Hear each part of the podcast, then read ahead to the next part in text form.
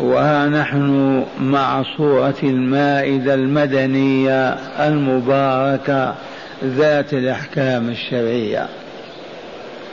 ومعنا هذه الليلة هذه الآية المباركة الكريمة بل هاتين الآيتان الكريمتان. تلاوتهما بعد أعوذ بالله من الشيطان الرجيم. إنما جزاء الذين يحاربون الله ورسوله ويسعون في الأرض فسادا أن يقتلوا أو يصلبوا أو تقطع أيديهم وأرجلهم من خلاف أو ينفوا من الأرض. ذلك لهم خزي في الدنيا ولهم في الآخرة عذاب عظيم. إلا الذين تابوا من قبل أن تقدروا عليهم. فاعلموا أن الله غفور رحيم. مرة ثانية. يقول تعالى في كتابه العزيز إنما جزاء الذين يحاربون الله ورسوله ويسعون في الأرض فسادا أن يقتلوا أو يصلبوا أو تقطع أيديهم وأرجلهم من خلاف أو ينفوا من الأرض. ذلك لهم خزي في الدنيا ولهم في الآخرة عذاب عظيم. إلا الذين تابوا من من قبل أن تقدروا عليهم فاعلموا أن الله غفور رحيم. إلا الذين تابوا من قبل أن تقدروا عليهم فاعلموا أن الله غفور رحيم. وثالثا يقول تعالى إنما جزاء الذين يحاربون الله ورسوله ويسعون في الأرض فسادا أن يقتلوا أو يصلبوا أو تقطع أيديهم وأرجلهم من خلاف أو ينفوا من الأرض. ذلك لهم خزي في الدنيا ولهم في الآخرة عذاب عظيم. إلا الذين تابوا من قبل أن تقدروا عليهم فاعلموا أن الله غفور رحيم. قبل الشروع في دراسة الآيتين المباركتين نفي بما وعدنا وهو أن نتكلم بإجمال على الإسراف وأهله. وذلك لأن تلون هذه الآية وهي قوله تعالى ثم إن كثيرا منهم بعد ذلك في الأرض لمسرفون الإسراف مصدر أسرف يسرف إسرافا إذا تجاوز الحد المحدود وتعداه إلى غيره. والله تعالى يقول وقوله الحق من سورة الأعراف يقول عز وجل كلوا واشربوا ولا تسرفوا إنه لا يحب المسرفين. مولانا سيدنا ربنا لا يحب المسرفين. فمن أسرف في أكله أو شربه أو لباسه أو شؤونه الحياة الدنيا تعرض لبغض الله له. أعوذ بالله. دلوني عن عاقل يرضى أن يكرهه الله. كيف يسأل؟ والله يصرح بقوله والله لا يحب المسرفين. إن الله لا يحب المسرفين. إذا فهيا نقتصد في أكلنا وشربنا ولباسنا ومراكبنا ومساكننا. أولا ومعنى الاقتصاد الأخذ بالوسط لا تقتير ولا إسراف. القصد القصد. والرسول الكريم يعلنها أيضا واضحة صريحة فيقول ما خاب من استخار. ما خاب من استخار رجلا أو امرأة عامي أو عالم أبيض أو أسود. الذي يطلب من الله أن يختار له القضية التي أقبل عليها لا يخيب. أبدا. ما معنى هذا الكلام؟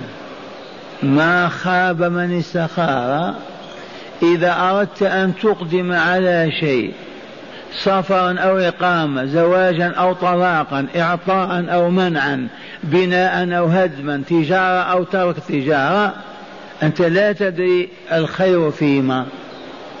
فهناك من إذا قرعت بابه واطرحت بين يديه وبكيت بين يديه وقلت له ربي اختر لي والله لا يختار لك ما هو خير لك. ومع هذا أعرض عن هذا المؤمنون. ما عرف قبل أن تقدم على الشيء وأنت لا تدري أفيه خير أم شر في الحال أو المستقبل. إذا من هو الذي يستطيع أن يختار لك ما فيه الخير؟ القادر أو العاجز العليم أو الجاهل الحكيم أو الأحمق؟ فعليك بالله عز وجل.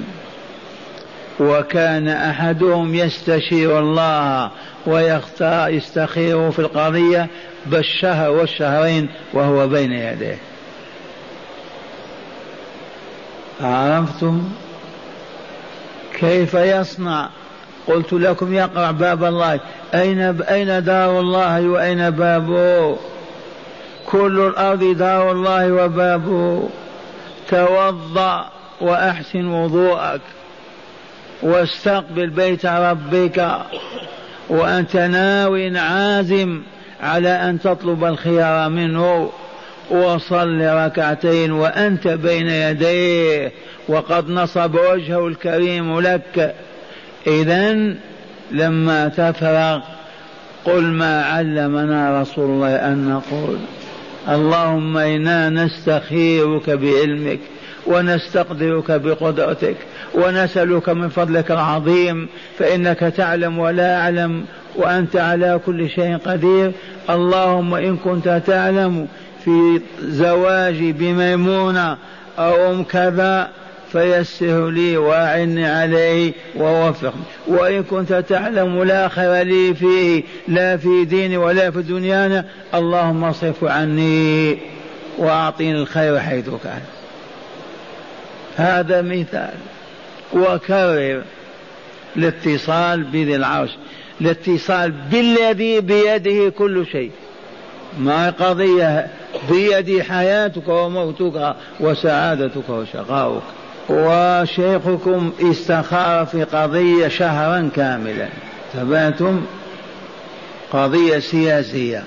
إذا ثانيا يقول وما لا ما ندم ولا خاب ما ندم من استشار ولا خاب من استخار ولا عال من اقتصد. الذي يستشير أولي الحزم والعزم والمعرفة والبصيرة أصحاب الأنوار الإلهية أهل العبادة والطاعة هؤلاء إذا استشارهم في صدق وأشاروا عليه ففي ذلك خير. والله ما يندم. أبدا. من هم الذين تستشيرهم؟ الحشاشون. أولو الدنيا والشهوات والأطماع. التكالب على أوساخ الدنيا. الذين يبيتون نياما كالبهايم هؤلاء ما لا بد من معرفة أهل البصائر وأرباب النهى. أولياء الله عز وجل. حتى الساسة الهابطين اللي درسوا علم السياسة على أمريكا وأوروبا ما ينفعون. والله ما ينفعون. من نستشير. أولي البصائر والنهى. أولياء الله عز وجل. الذين قال فيهم رسول الله صلى الله عليه وسلم ماذا قال؟ قال إن المؤمن لا ينظر بنور الله. المؤمن الحق ينظر بنور الله وهو كذلك. ما خاب من استخار ولا ندم من استشار قبل أن يقدم يستشير أولي البصائر والنهى وإذا أشاروا عليه بكذا يفعل. ما يخيب أبدا ولا يخسر ثالثا ولا عال من اقتصد وهذا محل الشاهد. لا عال عال يعول عولا إذا افتقر وأصبح يمد يده إلى غيره. العائل الفقير. وإن خفتم عيلا فسوف يغنيكم الله من فضله. فمن هو الذي ضمن له صلى أن لا يفتقر؟ المقتصد. لا عال من اقتصد ما افتقر ولا مد يده لغير الله. تباتم ما معنى يقتصد؟ بحسب ما عنده. أنت راتبك ألف ريال بلها خمسمائة ريال. يجب أن تقسطها على شهرك. فإن وجدتك تأكل قوس خبز يوميا وفنجان زيت إلزم هذا الفنجان وهذا القوس. فإن وجدت الخمسمائة ريال توفر لك قوسين وفنجانين إذا فاستعمل القوسين والفنجانين وهكذا يا صاحب الألف والألفين والثلاثة والأربعة والعشرة أنفق بقدر ذلك المبلغ. لا تزيد عنه أبدا. قسطه قسمه انظر معاشك أسرتك بكم ووزعه على أيامك ولياليك وإياك أن تزيد زائدا لا فائدة منها وإنما شهوتك فقط أو محاذاتك للناس أو مباهاتك لأعمالهم فحينئذ تخسر تفتقر. ما عال من اقتصد. والذي ما يقتصد لو راتبه عشرون ألف ريال والله لا يستدين وقد يأخذ الرشوة ويكذب عليكم. لأنه ما اقتصد كذا ولا لا؟ من قال هذه الجملة؟ هذا سيد الحكماء. تتمدحون بحكماء الغرب ولا لا؟ هذا أستاذ الحكمة البشرية ومعلمها. وجرب هذا وتم كما أخبر صلى الله عليه وسلم. ما عال من اقتصد. الاقتصاد ضد الإسراف وإلا لا؟ والتبذير. وقال تعالى وقول الحق من سورة الإسراء سورة بني إسرائيل لا تجعل يدك مغلولة إلى عنقك ولا تبسطها كل البسط فتقعد ملوما محسورا. من يعلمنا هذه التعاليم؟ هذه نجدها في مدارس أوروبا يعني هل يفهمونها ولا تجعل يدك مغلولة إلى عنقك ما تخرج لا قرش ولا ريال. حتى تموت بالجوع والمال في جيبك. حتى تحرم زوجتك وأولادك يموتون بالجوع وأنت. لما تفعل هذا؟ ولا تبسطها كل البسط فيخرج كل ما فيها. ولكن القصد القصد. إن الله قال كلوا واشربوا ولا تسرفوا إنه لا يحب المسرفين. وقال ولا تبذر تبذيرا إن المبذرين كانوا إخوان الشياطين وكان الشيطان لربه كفورا. المبذرون إخوان من؟ إخوان الشياطين. والشيطان لربه كفور إلا موحد مؤمن. إذا وقد قدمت لكم أن علينا أن نقتصد حتى في النوم. لا تنام يا عبد الله تعالى من صلاة العشاء إلى إلى طلوع الشمس. ما هذا كله؟ نوم. قم آخر الليل ولو بساعة قبل الفجر ولو مع الفجر. أما تنام ليلك كاملا ما يجوز. في النوم ولا لا اقتصد في نومك. السهرة والعياذ من سهراتنا والحمد لله لا سهر لنا الذين يسهرون من الساعة التاسعة بعد صلاة العشاء يتعشون ويجلسون إلى الثاني عشر والواحدة وهم في الباطل لا هم مكبون على دراسة العلم والحكمة تباتم ولا هم رافعوا أكفهم إلى الله يبكون بين يديه ولكن يسمعون الأغاني ويشاهدون اللهو والأضاحيك والشيشة والدخان ويهزؤون ويسخرون. أهذا عدل هذا؟ أيجوز هذا الإسراف؟ إن الدقيقة الواحدة لن تستطيع أن تشتري بملء الأرض ذهبا.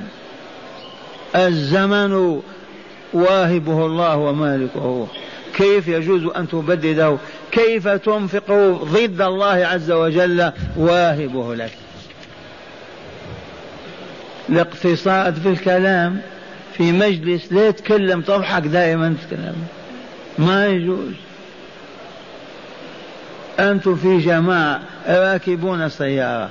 ما هي كل طا طا طا طا وكلام؟ ما يجوز. والله ما يجوز.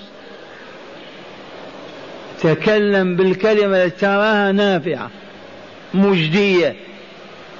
تحقق حسنة أو تحقق قرشا. كما قدمنا وعلمتم اللغو هو الإعراض عن كل ما لا يحقق لك حسنة لمعادك يوم القيامة أو درهم لمعاشك اليوم. وما عدا ذلك لغو يجب الإعراض عنه. بلغني الآن من هذا النوع أن طلبة إن صدق السائل أو القائل يأتون إلى معرض الكتاب في الجامعة ويتصفحون الكتاب للشراء. إذا وجدوا حديثا ما يعجبهم يمسحونه بالحبر بدون إذن صاحبه. إذا وجدوه كذا يقطعونه مزقونه هذا إسراف هذا أم ماذا هذا؟ ما سبب هذا؟ دلونا يرحمكم الله أننا ما ربينا في حجور الصالحين. ما عشنا بين أبوين أو بين مشايخ أو أحباء نتلقى الحكمة والمعرفة والآداب والأخلاق الفاضلة من نشوئنا وبداية حياتنا. تركونا وأهملونا حتى بلغنا السن الرشد الخامس عشر والسادس عشر وأردنا أن ندخل الإسلام وأن نتحمل وأن نكون من أولياء الله. قل من يسلم لا بد من التربية. لا بد من ملازمة أهل البصيرة والنواء والأخذ عنهم والتلقي عنهم وعدم التسرع في الرد والانتقاد لهم والطعن. إذا ما تقولون في الإسراف؟ والله لا يحب المسرفين ولا لا. وأصرف اليهود في البغض إلى الإسلام والأنبياء والقتل والدمار و حتى بلغوا مستوى لا حد له. فكذلك الإسراف في المعاصي في الزنا. زنا في عشرين سنة مرة يعفى عنه ويغفر له وتاب شرب الخمر مرة في حياته أو مرتين يتوب منها. أما يوالي الجريمة ويسرف فيها لن يتوب منها. لن ينجو أبدا. فلا بد من القصد القصد الإسراف في كل شيء حرام. ما هو الغلو في الدين؟ يبيت طول الليل راكعا ساجدا وامرأته تتململ على فراشها وأبناء يبكون. من كلفك بهذا؟ قم آخر الليل صلي أول الليل. طول الدهر صايم. أمه تبكي ما هذا الصيام؟ أنا صائم الدهر. ما يجوز. أسرفت. القصد القصد. والآن مع هذه مع هاتين الآيتين الكريمتين. إنما جزاء الذين يحاربون الله ورسوله ويسعون في الأرض فسادا. من هؤلاء؟ هؤلاء هم الخارجون عن النظام. هؤلاء هم اللصوص هؤلاء هم المحاربون. المحاربون يطلق لفظ المحاربين عليهم. من هم؟ جماعة ما وجدوا وظيفة ما وجدوا عمل ضاقت بهم البلاد يتجمعون وراء جبل أحد وهم ثلاثة فما فوق والسلاح ويقول نسط عليهم. ثم يفاجئون رجل في بيته هات المال أخرجوا اذبحوه ويعودون. يعترضون السيارات حاملة المال وإلا الدقيق وإلا كذا يوقفونها ويقتلون السائق ويأخذون الدقيق. هؤلاء المحاربون. جماعة تتجمع وتتحيز وتنحاز وتعلن الحرب ضد الله ورسوله والمؤمنين. ضد الله ورسوله أنهم يقتلون وياخذون أموال عباد الله المؤمنين هي حرب لله على الله ورسوله. هؤلاء المحاربون ومثلهم المتلصصون. الجماعة المحاربة لا بد اثنان ثلاثة فأكثر. أما اللص وحده عنده سلاحه ويسطو عند الحاجة على من يريد أن يسطو عليه. فما الحكم؟ أولا أذكركم بسبب نزول هذه الآية. رووا في سبيل في سبب نزولها أن سبعة أنفار ثلاثة من من عكل وأربعة من رعيلة. سبعة عكل ثلاثة رعينة أربعة. جاءوا إلى المدينة يسلمون أسلموا. لكن أسلموا بألسنتهم وهم بقلوبهم غير مسلمين. ما ذاقوا طعم الإسلام ولا فهموا. جاءوا لمصلحة. فأصابتهم حمى حمى المدينة. الباليديزم تبهتم؟ إذا فاشتكوا إلى رسول الله وقالوا إذن لنا في الخروج من المدينة قد استوبأناها. فأعطاهم لقاحا من إبل الصدقة وقالوا اخرجوا واشربوا ألبانها وأبوالها. تشفوا بإذن الله. وبالفعل خرجوا مع الإبل مع اللقاح ذات اللبن فشربوا من أبوالها وألبانها فسمنوا وطغوا. إذا وماذا فعلوا؟ ذبحوا راعي الإبل الذي كان يخدمهم ويحلب لهم وساقوا الإبل وتركوا الرسول كافرين به. فأرسل رسول الله خيلا لهم فألقوا القبض عليهم وجاءوا بهم. إذا فماذا فعلوا بهم؟ فقتلوهم في الحرة وصلبوهم على الأخشاب وتركوهم كذا يوما. جزاء من كفر بالله ورسوله وخرج عن طاعة الله ورسوله وظلم بقتل النفس وأخذ المال. فالآية تأمل إنما جزاء الذين يحاربون الله ورسوله ويسعون في الأرض فسادا ما جزاؤهم؟ أن يقتلوا أو يصلبوا. أو تقطع أيديهم وأرجلهم من خلاف أو ينفوا من الأرض. ينفوا من الأرض إلى بلاد الكفر أو إلى جزيرة في البحر. كان السلطان عبد العزيز بلغنا فيه جزيرة يبعث إليها هؤلاء. فرسان. المهم ينفى من الأرض وقال أهل العلم حتى السجن أيضا نفي من الأرض.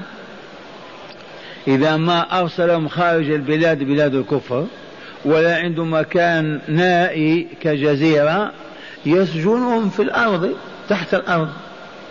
ويعتبر ذلك نفي من فوق الأرض أو ينفوا من الأرض. هل يشاهدون في السجن؟ الذين في السجن تشاهدونهم؟ ولا رأينا واحد منهم. كأنهم ما هم على الأرض. أن السجن كذلك. وورد في هذا بيت من الشعر وهو أن المسجون كأنه منفي من الأرض. قال خرجنا من الدنيا ونحن من أهلها فلسنا من الأموات فيها ولا الأحياء. إذا جاءنا السجان يوما لحاجة عجبنا وقلنا جاء هذا من الدنيا. المسجون ما هو على الأرض. تحتها ولا لا؟ والشاهد عندنا هل أو هذه على بابها للترتيب أو هي للتخيير؟ فمن هنا أهل العلم والبصيرة من هذه الأمة يقولون الأمر يعود إلى الحاكم.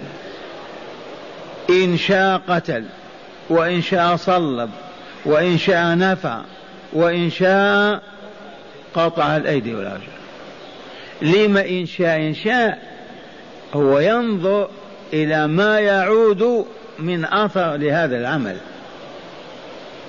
لأنه مسؤول عن أمته عن دينها وعن أبدانها وأموالها. فإذا رأى أن الصلب هذا يهيج جماعة أخرى وإلى بلاد أخرى ويدخل معهم في حرب ما يصلبها مثلا. إذا رأى النفي هذا يبعدهم وينسيهم نفى. أرى النفي ما ينفع. كذا ولا؟ ما ينفي. يقتل. هل فهمتم ما قلت؟ أهل العلم من هذه الأمة على أن الإمام يوكل إليه هذا.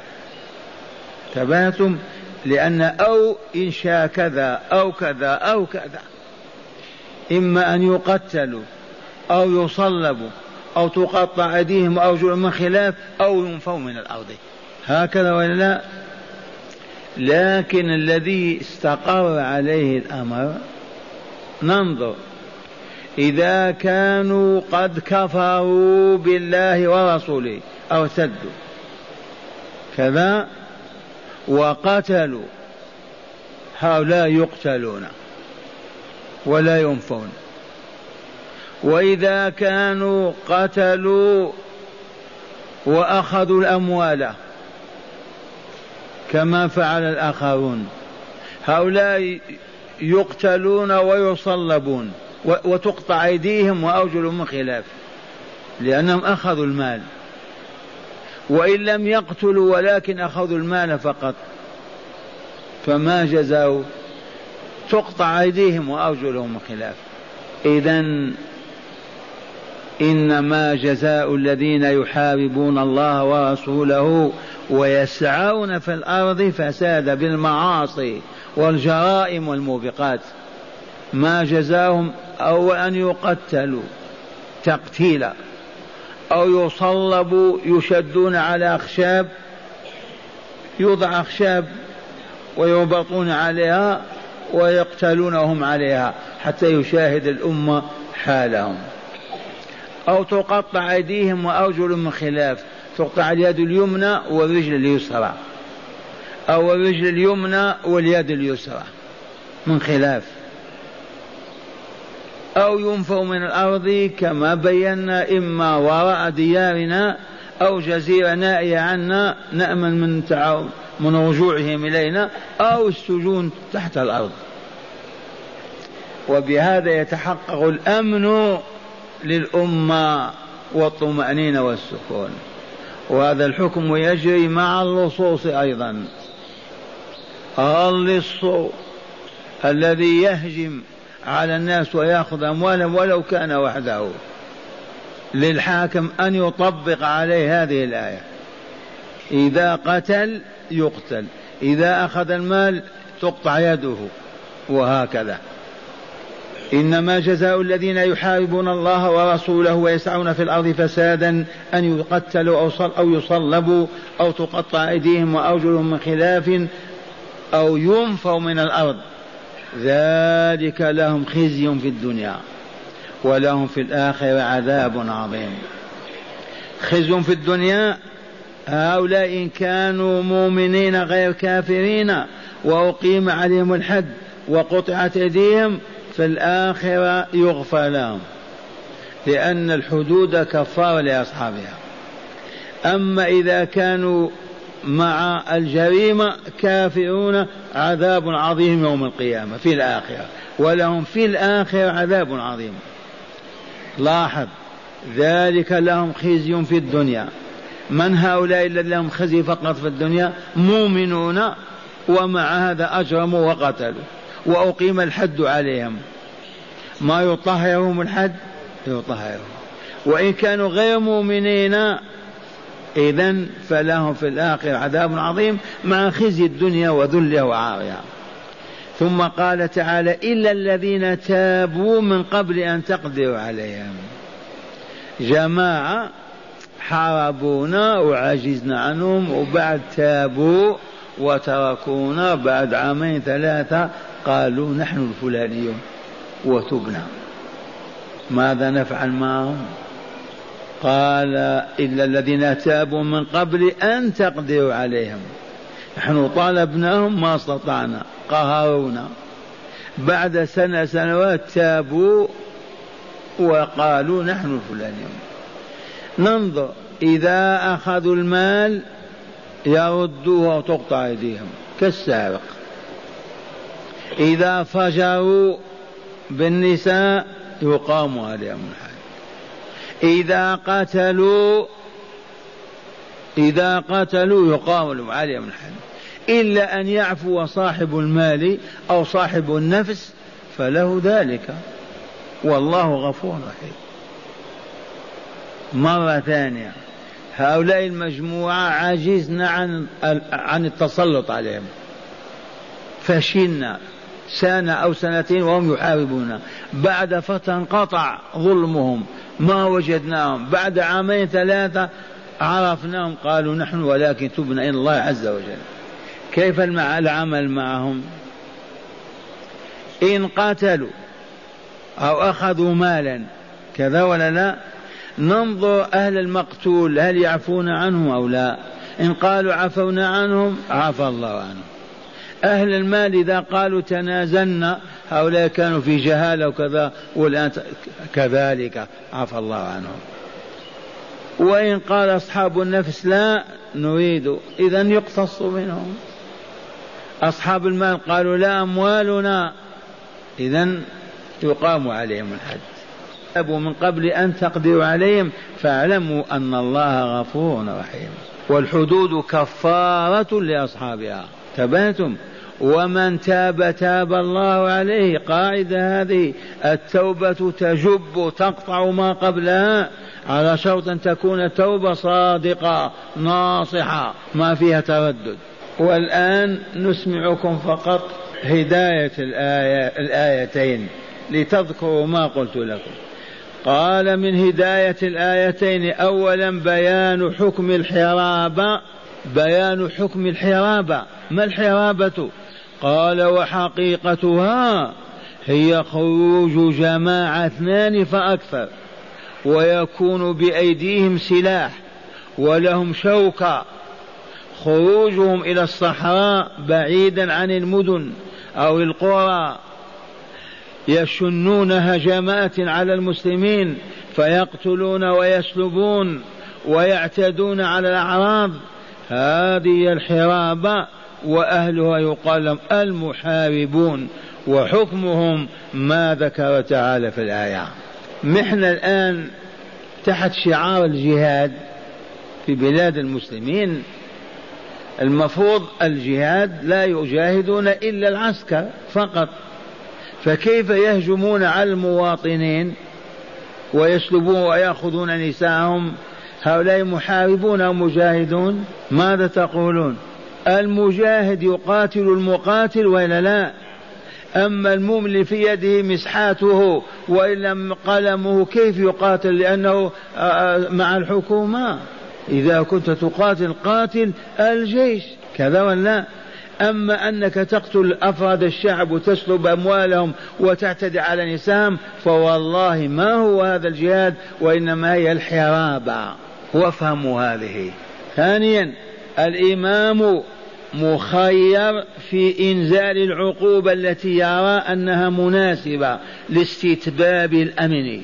وإلا لا. إن قلنا أو في الآية للتخيير وإلا فمن قتل وأخذ المال وأخاف الناس قتل وصلب ومن قتل ولم يأخذ مالا قتل ومن قتل وأخذ مالا قطعت يده ورجله من خلاف فتقطع يده اليمنى ورجله اليسرى.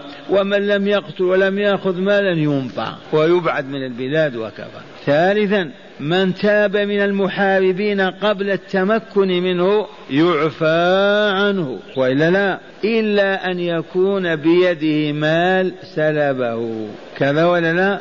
فإنه على ذويه فإنه يرده على ذوي أصحابه أو يطلب بنفسه إقامة الحد عليه فيجاب لذلك. إما أن يرد المال ومع السلامة أو يقول للحاكم أقم الحد علي طهرني ولا بأس. رابعا عظام عفو الله ورحمته بعباده لمغفرة لمن تاب ورحمته له.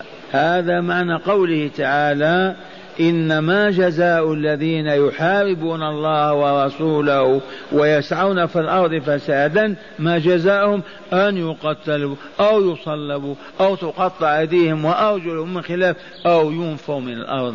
ذلك لهم خزي في الدنيا ولهم في الآخرة عذاب عظيم.